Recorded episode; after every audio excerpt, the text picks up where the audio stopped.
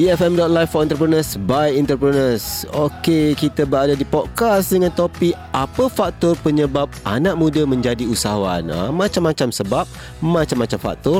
Apa kata kita dengarkan podcast ini hanya di Bicara Express bersama saya Arizal dengan topik apa faktor penyebab anak muda menjadi usahawan. Jom kita dengar.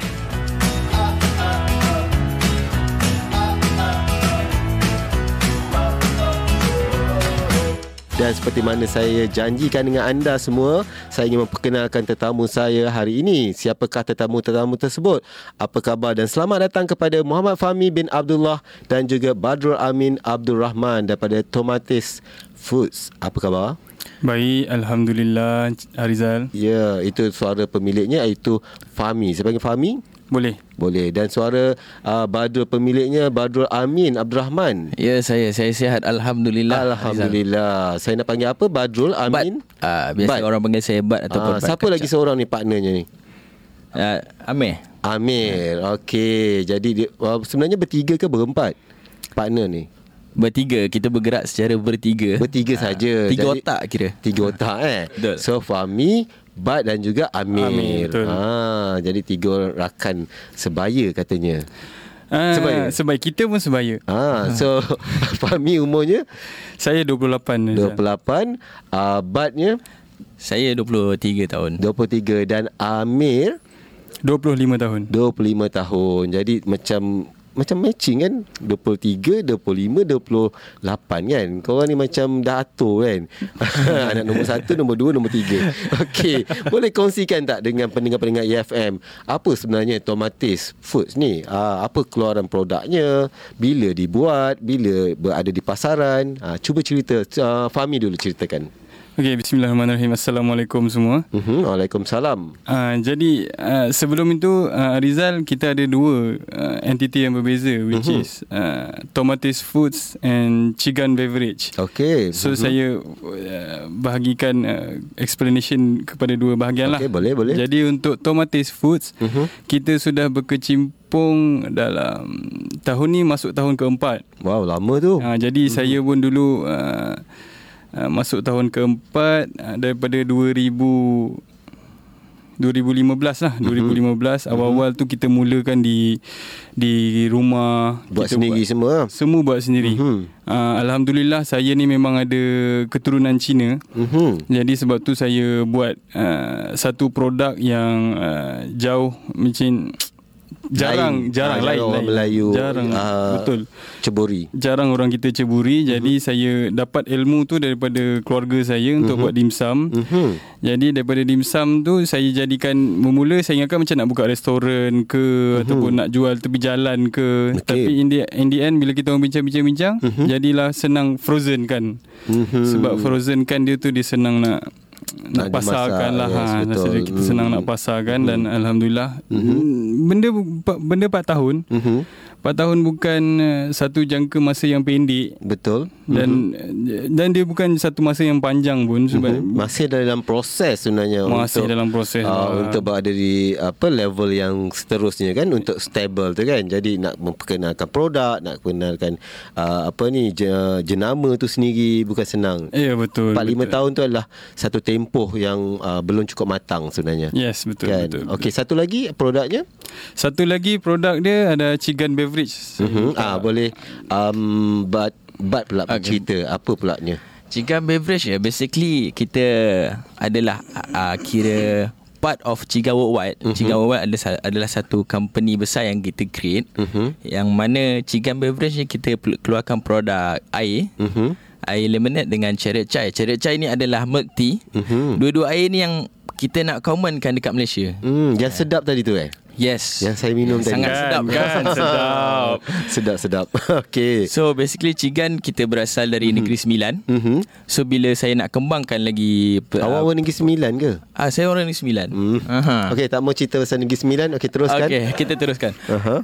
Kita Siapa nak, orang Johor? Saya Ah, Amir orang Johor. Amir Johor. Okay, Amir sama, Johor. sama. Sama. Okey, teruskan. Okey. So, basically saya dengan Amir satu, satu kampung. Ay, kata uh, tadi Felda, Felda.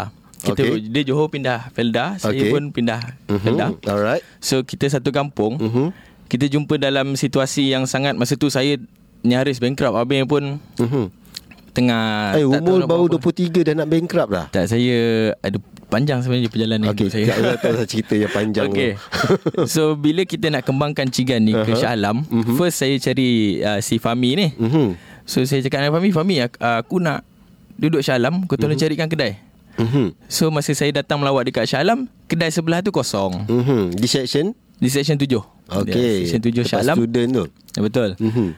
So memang dah diaturkan uh, saya pun terus setuju untuk sewa sebelah dia. Mhm. So bila saya Amir dengan Fahmi ni selalu uh, bergaul, Mhm.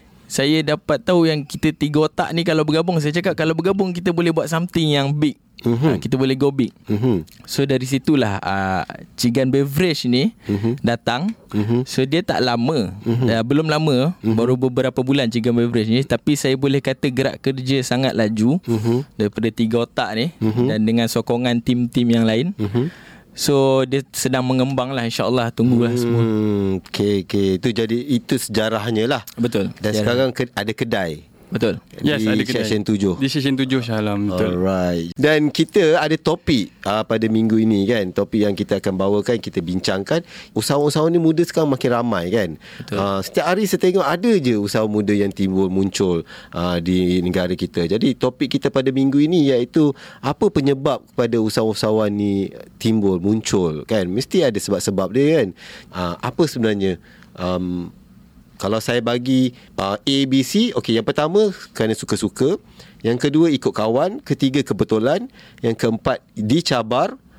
Yang kelima kengkangan kewangan. Yang keenam permintaan keluarga.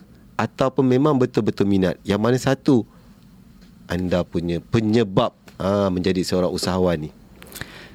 Uh, bagi saya okey. Okey Bat nak jawab Okey. dulu Pada yang saya lihat, mm-hmm. memang betul kata Rizal tadi yang mm-hmm. setiap hari akan ada lahir usahawan baru, usahawan mm-hmm. baru, betul. Mhm. Tapi untuk bagi saya lah, Mhm. usahawan kebanyakan sekarang adalah kerana faktor kewangan Mhm. yang mana dengan lifestyle sekarang dia nak ikut trend so perlukan wang. Mhm. So dia orang akan jual jual something Untuk dapatkan duit du- uh, untuk tambahan. dapatkan duit tambahan. Mhm. Tapi ada juga segelintir golongan muda uh, macam saya macam uh, Fami dan Amir Mhm. kita buat bisnes ni atas passion. Mhm. Memang minat Memang minat, minat Mhm. yang mendalam. So mm bila kita orang yang minat yang mendalam, Mhm. dia akan bila gagal bangun, gagal bangun, gagal bangun. Dia Kita bukan buat betul-betul usahawan tulen dah ni Ah betul. Ah, macam uh, macam Fahmi pula macam mana? Adakah kerana uh, memang betul lah sebab memang betul-betul minat ke ataupun kerana diajak oleh Bat? Tadi Bat cerita dia kata dia jumpa cari Fahmi, uh, jom kita bergabung untuk buat bisnes. ha. Dia based on pengalaman lah Sebab dia dah tahu saya punya usaha Dan saya tunjuk eh, Dan memang dia nampak Memang saya punya minat Aha. uh, Sebab sebelum ni dia orang yang berkawan dulu Aha. And then saya datang kemudian Okey. Jadi dia nampak saya punya pengalaman Saya punya minat And then dia nampak passion saya Saya bukan buat semata-mata nak Berniaga saja. Okey. Saya memang letak diri saya betul-betul kat berniaga And then Memang sungguh-sungguh lah Senang cerita kan Jadi saya memang Walaupun macam saya cakap kat Rizal tadi Mhm. Yang saya belajar jauh sikit daripada uh, Apa benda yang berniaga saya buat sekarang Mhm. Tapi memang daripada dulu memang saya dah ada minat uh, Minat terhadap berniaga tadi Mhm. Macam Bat cakap Bila Kadang-kadang kita bukan minat saja untuk duit saja kita kejau. Macam okay, saya bagi contoh semalam ke Bat eh. eh uh, ada satu event yang kita orang baru-baru ni kita orang join. Mhm. Di mana kita orang datang tu dengan macam Bersahaja. Kita, dat, ha, kita bersahaja saja datang and then kita orang dress up sama-sama nak tunjukkan kita orang punya brand yang kita orang sungguh-sungguh nak buat benda ni. Okey. And then bila habis dia punya stok tu habis, dia punya steam habis tu bukan kita tengok duit dulu. Kita tengok steam, kita bawa balik kotak kosong. Mhm. Suka Betul. Suka Puas hati. Kepuasan, Puas. kepuasan. Kepuasan tu sebenarnya Yes. kan. Even saya cerita ni pun dia dah naik dekat rasa dia punya steam tu macam ya Allah seronoknya. Hmm, Macam tu. begitulah Betul. semangatnya kan. Saya nak tanya daripada uh, Fahmi dulu boleh jawab. Adakah Fahmi sebelum ni pernah berniaga daripada kecil atau sebelum-sebelum ni ada perniagaan lain yang Fahmi pernah ceburi? Saya daripada kecil tu daripada sekolah lah saya boleh kata. Jadi masa tu pun uh, ya, ya daripada sekolah kita Masa tu kita belum ada minat yang betul-betul lagi. Masa tu kita memang just literally nak cari duit. So bila kita grow Kita grow minat tu datang kan. Betul. Jadi daripada kecil Daripada sekolah lagi Saya dah Macam-macam benda saya berniaga. Saya berniaga benda ni sangat- Sangat-sangat simple Which is top up Daripada kata Maggi Air. Memang dia punya Ke jadi untung. token rokok. Um, sekali Janji ada benda boleh berniaga Tak baik. So- Tak baik untuk kesihatan. Okay Jadi kita masa tu Yalah Walaupun Walaupun masa kecil-kecil tu Dia punya untung bukannya besar. Ah, Berapa sen sangat. Tapi waktu tu rasa Sedap lah dapat duit kan. Ya, dia dah start dapat Wow, wow si sen-sen pun kita macam Okay jadi. Tapi bila banyak benda kita berniaga Mhm. Jadi banyaklah sen ni kan. Jadi mula kita dah belajar dulu kita, Sebab saya memang Asalnya memang saya ke arah engineering punya Punya path lah. Mm-mm. Jadi bila Tapi sem, sementara saya tengah belajar tu Saya dah start mula berniaga Jinak-jinak kan, dalam berniaga ni. Saya dah nampak Eh syok lah berniaga ni Pergi-pergi macam Eh baik ni baik. So makin lama makin uh, nak minat tu makin mendalam jadi saya sanggup masa tu walaupun saya dah kerja. Mhm. and then uh, saya saya, saya beritahu terus terang lah kan. Saya bagi masa Sebabkan saya dah kerja tu dalam 2 tahun juga. Mhm. Jadi tapi sebabkan saya dapat cab- satu cabaran daripada abang saya Mhm. Untuk start dalam bisnes dimsum ni.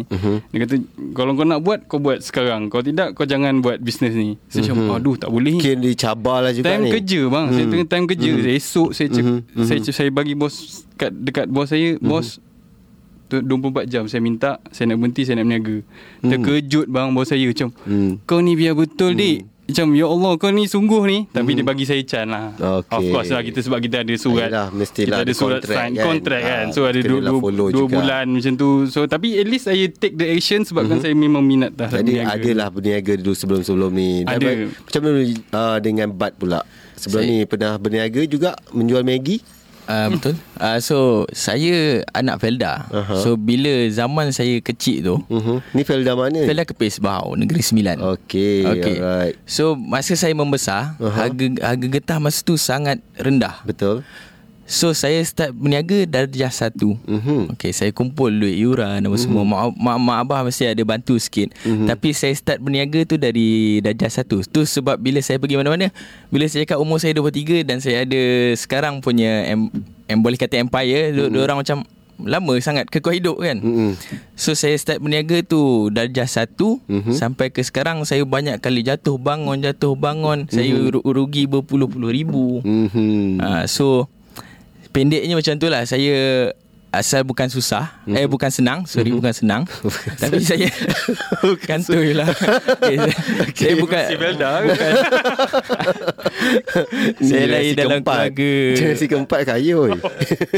dalam keluarga yang uh, bukan senang uh-huh. so saya ada inisiatif sendiri saya tahu saya ha- high demand apa main high maintenance punya orang. So saya cari duit sendiri. Sampai bila balik rumah bila adik-beradik tegur eh kau beli berapa mahal kau beli Ab- abah akan cakap macam ni. Biar dia cari duit sendiri. Oh, janji duit sendirilah. Betul. Nak beli apa pun tak kisah. Ah betul. Kan. Tapi dia agak boros lah sekarang. Dia dah over pula. ha, sebab tu tak boleh boros. Kena betul-betul jaga ke pengurusan keuangannya Betul, kan. betul, Bila betul. bercerita pasal bisnes uh, Start pada kecil saya teringat jugalah Saya ingin kongsikan kan. Juga mungkin dengan pendengar-pendengar. Di mana saya waktu kecil Sekolah rendah darjah 2 Saya ingat saya jual keripik Yang mak saya buat kan Tapi uh, tak lama Sebab uh, Makcik kantin komplain Kat cikgu sekolah Oh, saya biasa kena tu. kan Sampai saya kena biasa kena tangkap tu. Untung sangat. Kena, kena rampas Macam lah saya keripik saya tu Boleh buat makcik kantin the bankrupt Ah, kan betul. Kan?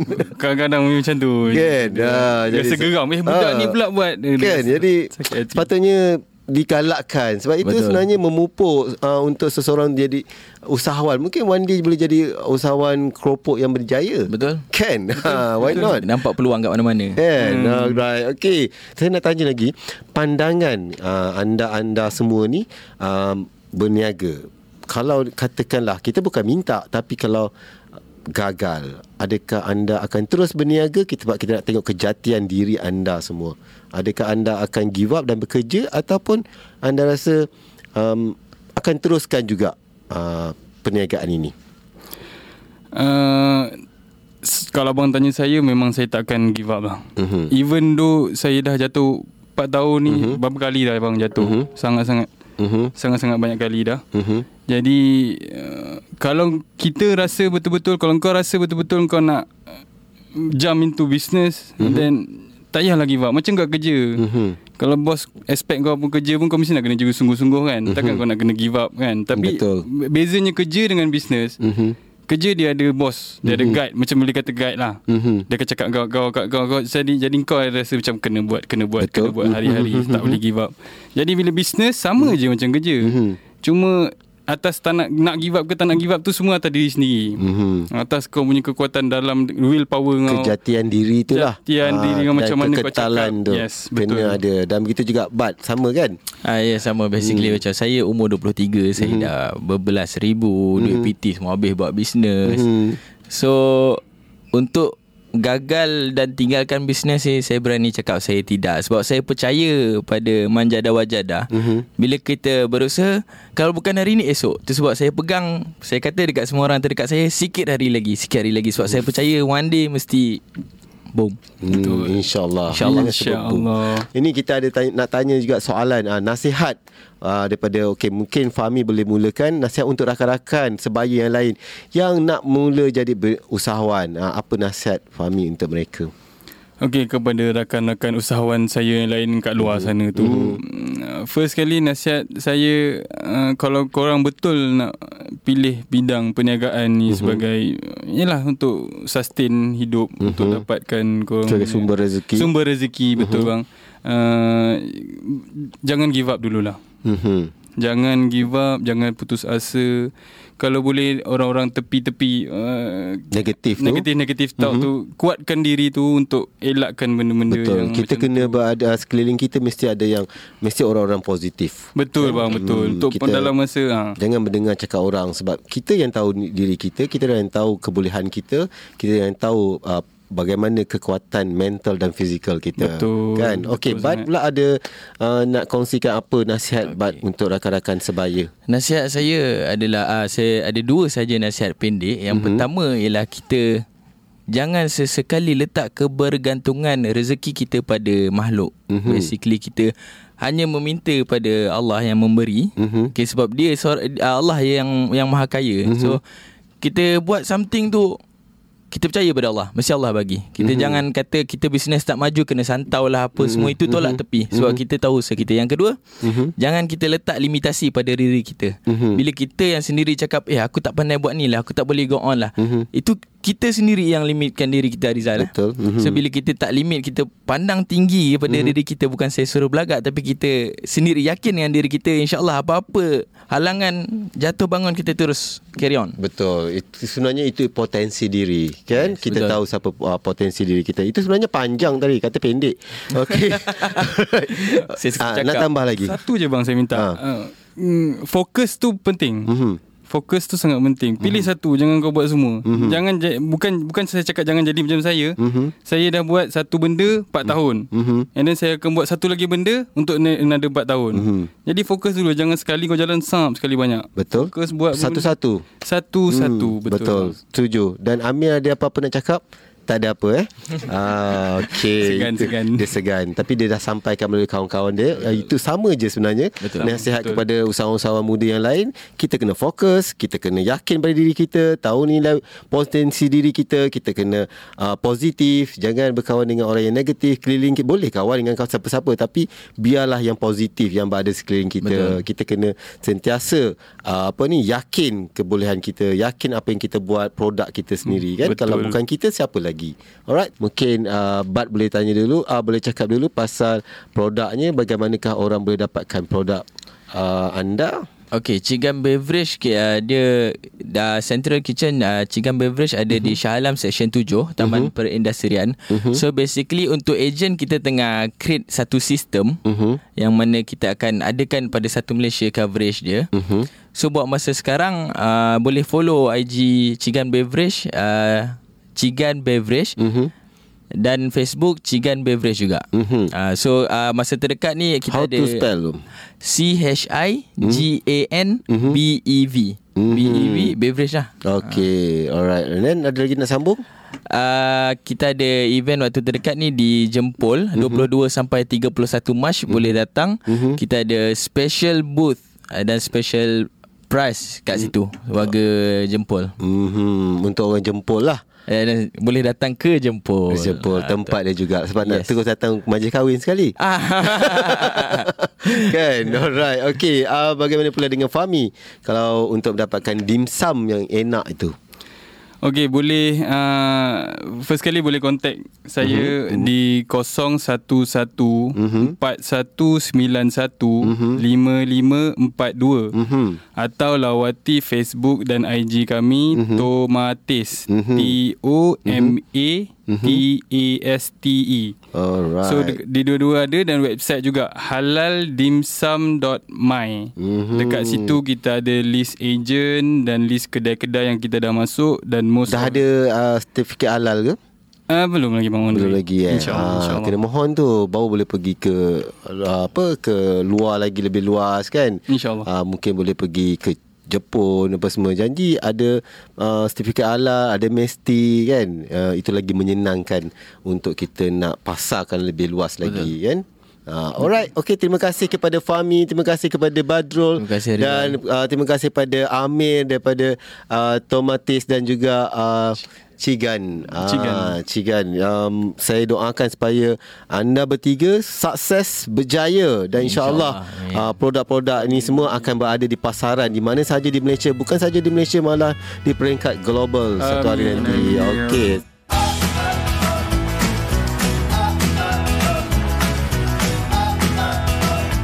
Itulah podcast Bicara Express yang telah disediakan oleh tim EFM.